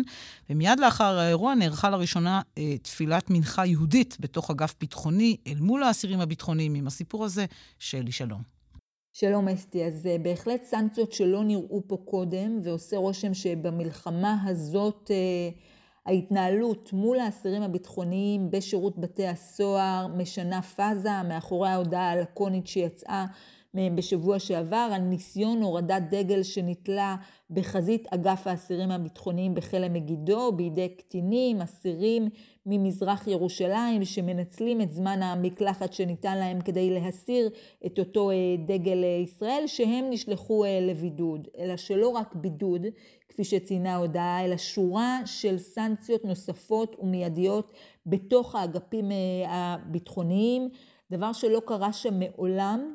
תפילה, מתכנסים לתפילת מנחה בתוך האגף הביטחוני, אל מול האסירים הביטחוניים, מקיימים תפילה בשיתוף מלא עם הנהלת הכלא, תפילה שבה לוקחים חלק אסירים יהודים אה, כמובן. מיד אחר כך נערכת פשיטה מסיבית בכל האגפים בכלא. יש בסך הכל 12 אגפים עם מאות אסירים שמוציאים אותם החוצה מהתאים וסוהרים יחד עם אסירים יהודים עושים ניקיון יסודי שכולל בין היתר החרמת מברשות שיניים ומשחות שיניים, לקיחת סיגריות, החרמת סוני פלייסטיישן מאחד האגפים, לקיחת נעליים, בגדים מנויים ללאישה, לאוטו, כך שבעצם לכל אסיר נשאר רק עם מה שעל גופו וזוג נעליים אחד, השאר כל הציוד מועמס על משאית שהוזמנה אל הכלא ובעצם אה, מוחרם. גורם בכלא מספר לי שבעצם האסירים הביטחוניים, מאות מהם נשארו עם ארבע קירות בטון ומזרון בלבד. חשוב להדגיש כי הפשיטה נעשית על ידי סוהרים יחד עם אסירי עבודה יהודים ששוהים אה, אה, בכלא מגידו.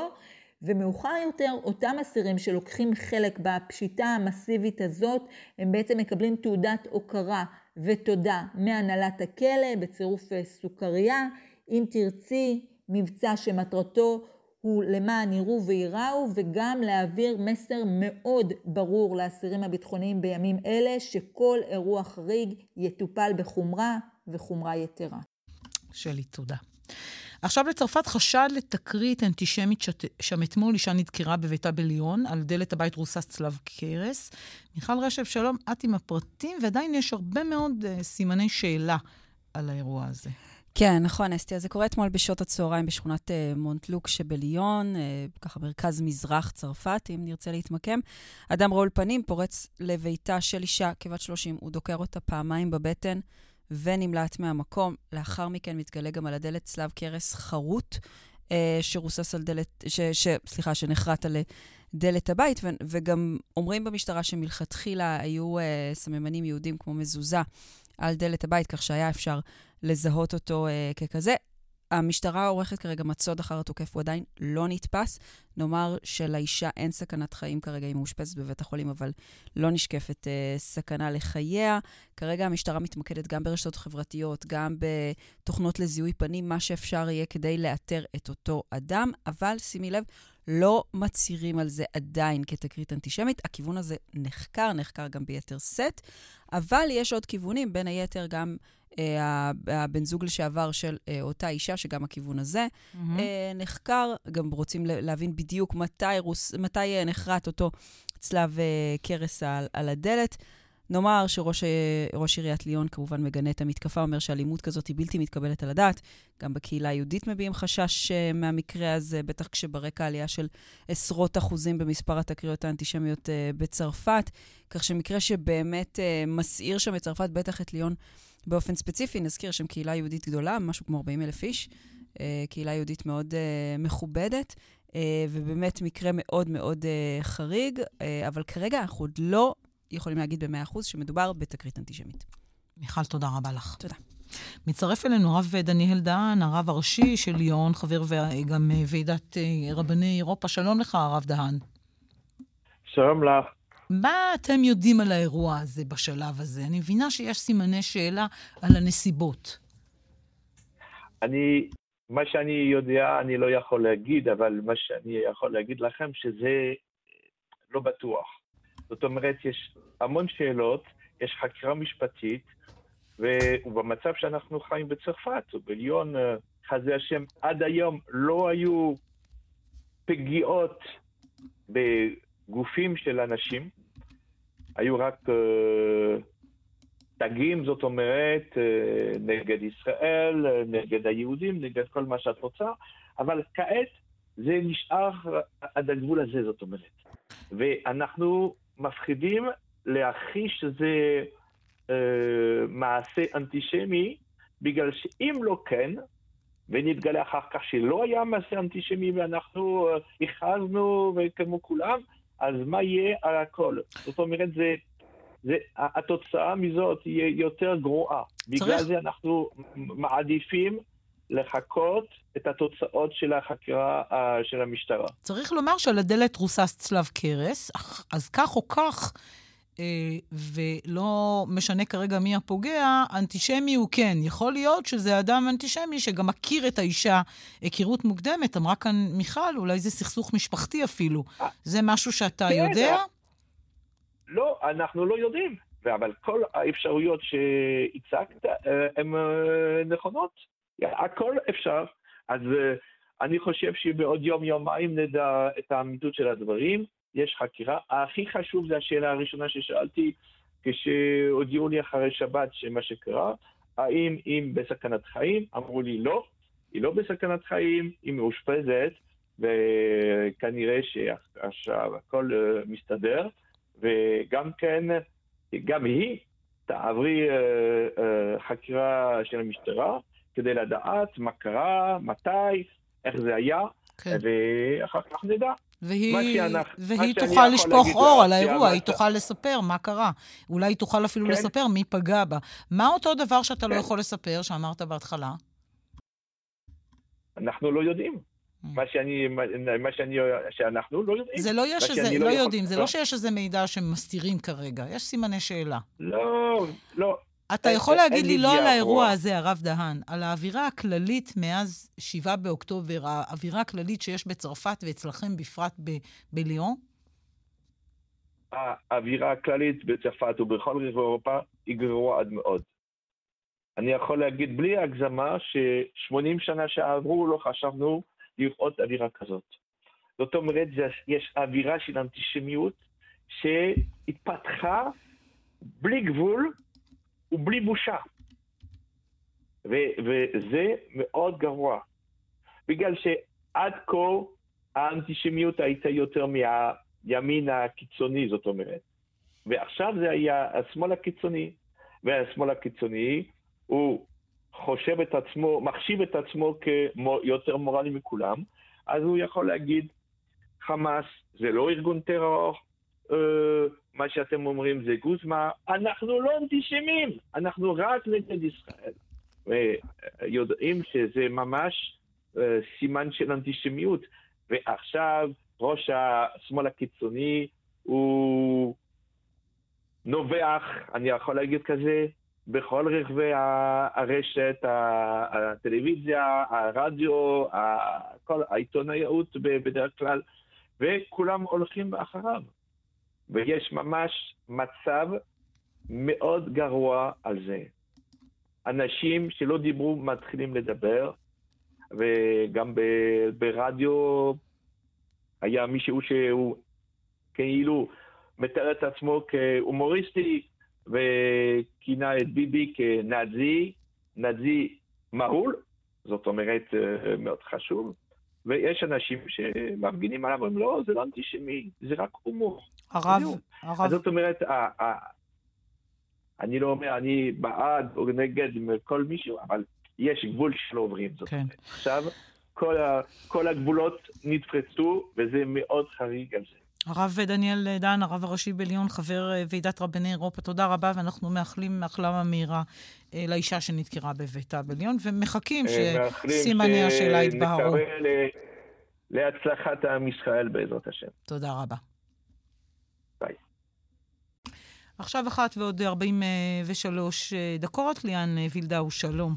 שלום, שלום, אסתי, צהריים טובים. גם לך, אתה בדקות הקרובות עם יוזמה מרגשת של אוהדי כדורגל, לתת כמה רגעים של אושר לניצולי הטבח בעוטף עזה במשחק בחו"ל.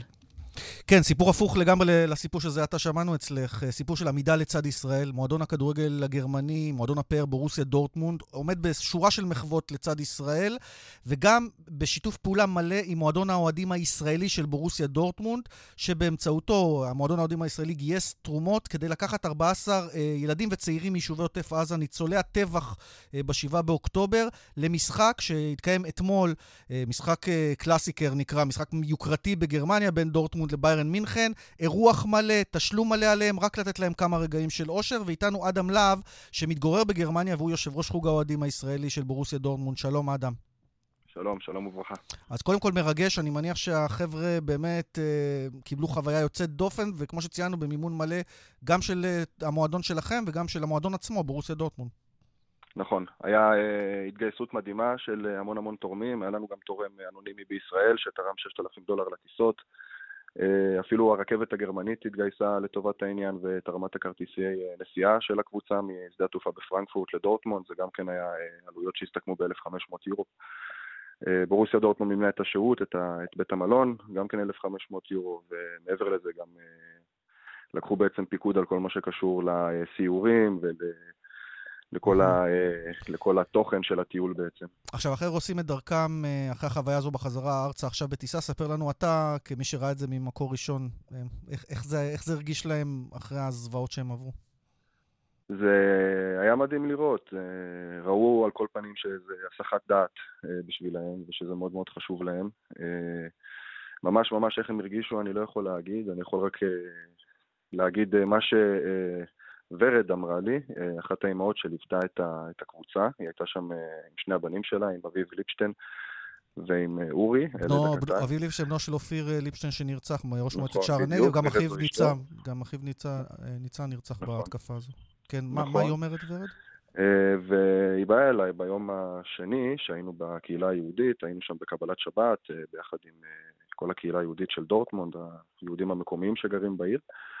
והיא אמרה לי, תקשיב, אדם, שדיברתי עם אה, אורי לפני הטיסה, אה, אמרתי לו שלא יצפה שזה באמת יהיה הסחת דעת אמיתית ושיהיה לו מאוד קשה לצאת מהמחשבות ומהדברים שהוא ראה. אה, והיא הייתה בספק שזה באמת יעשה לו טוב. אבל הוא באמת בא אליה ואמר לה ביום הראשון, אם את תראי איזה מאושר, אני אמרתי לך שזה יעשה אותי מאושר. ואני חושב שמעבר ל... תודה ששמעתי באמת אה, כל כך הרבה ולעוד המון דברים אחרים.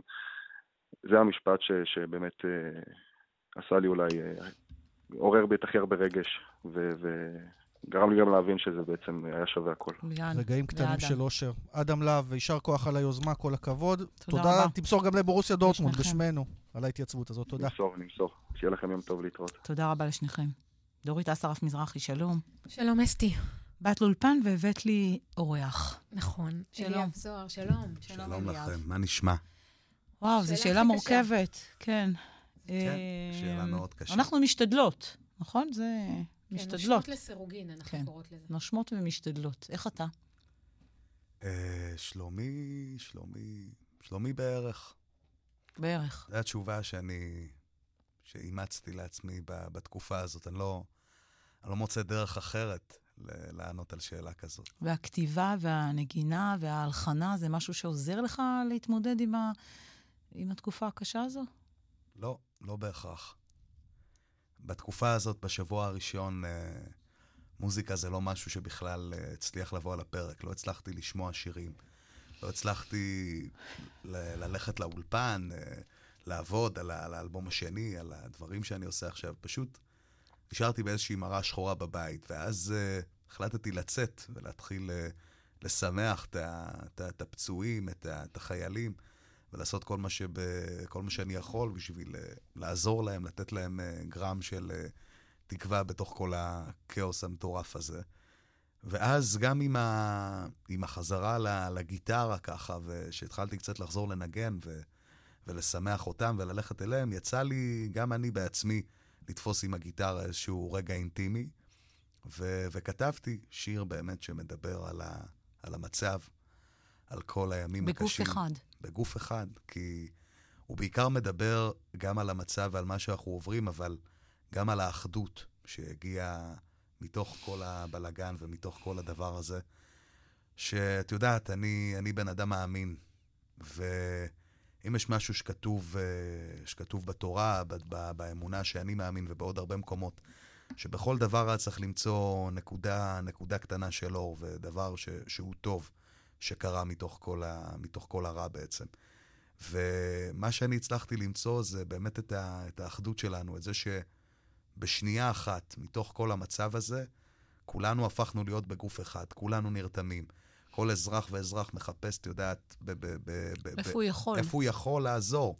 ב- ב- אם זה ב- ב- בכיכר, ב- בדיסינגוף, ואם זה פה, ואם זה שם, ואם זה לנסוע לעוטף ולבסיסים, ולהביא אוכל לחיילים, וכל מה שדרוש. להם, וגם האומנים שמגיעים ל... ל- ל- לכל מקום בשביל, בשביל לעזור. ו- ובאת עם הגיטרה. נכון. וזה שיר כזה שיש בו גם עצב, אבל גם אופטימיות. ודיברנו מקודם על איך אתה מצליח אה, לרכז את הכל לכמה שורות, וכמה שזה קשה, אבל אני חושבת שהצלחת לעשות את זה בשיר הזה, אז בוא נשמע אותך קצת, בגוף כן. אחד.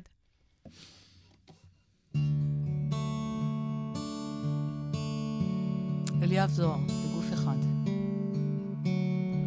אמא אומרת לך, אל תהיה עצוב.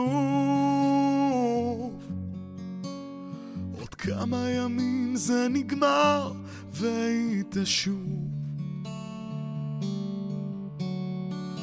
גם כשכבד על הלב, זה עם שלא נשבר. כולנו ביחד הולכים בגוף אחד לוחם שלא שוכח אבל סולח לעצמו ולכל מי שלא כולם יש עוד סיכוי לאהבה. אבא אומר לכולם שיהיה פה טוב עוד כמה שנים זה ייקח, הכל כבר גם כשהגשם יורד ולבבות בוכים כולנו ביחד אחים בגוף אחד לוחם שלא שוכח אבל סולח לעצמו ולכל מי שלא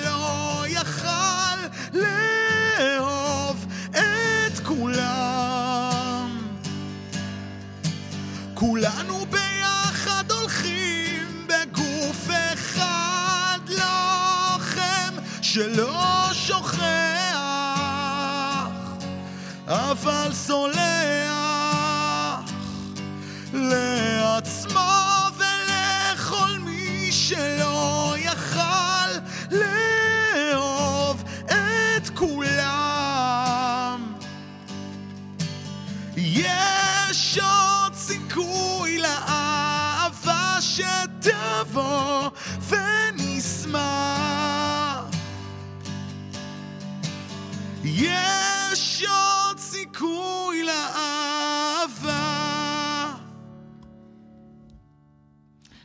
אליאב זוהר כאן באולפן, עם הגיטרה, בצניעות, עם כל הלב.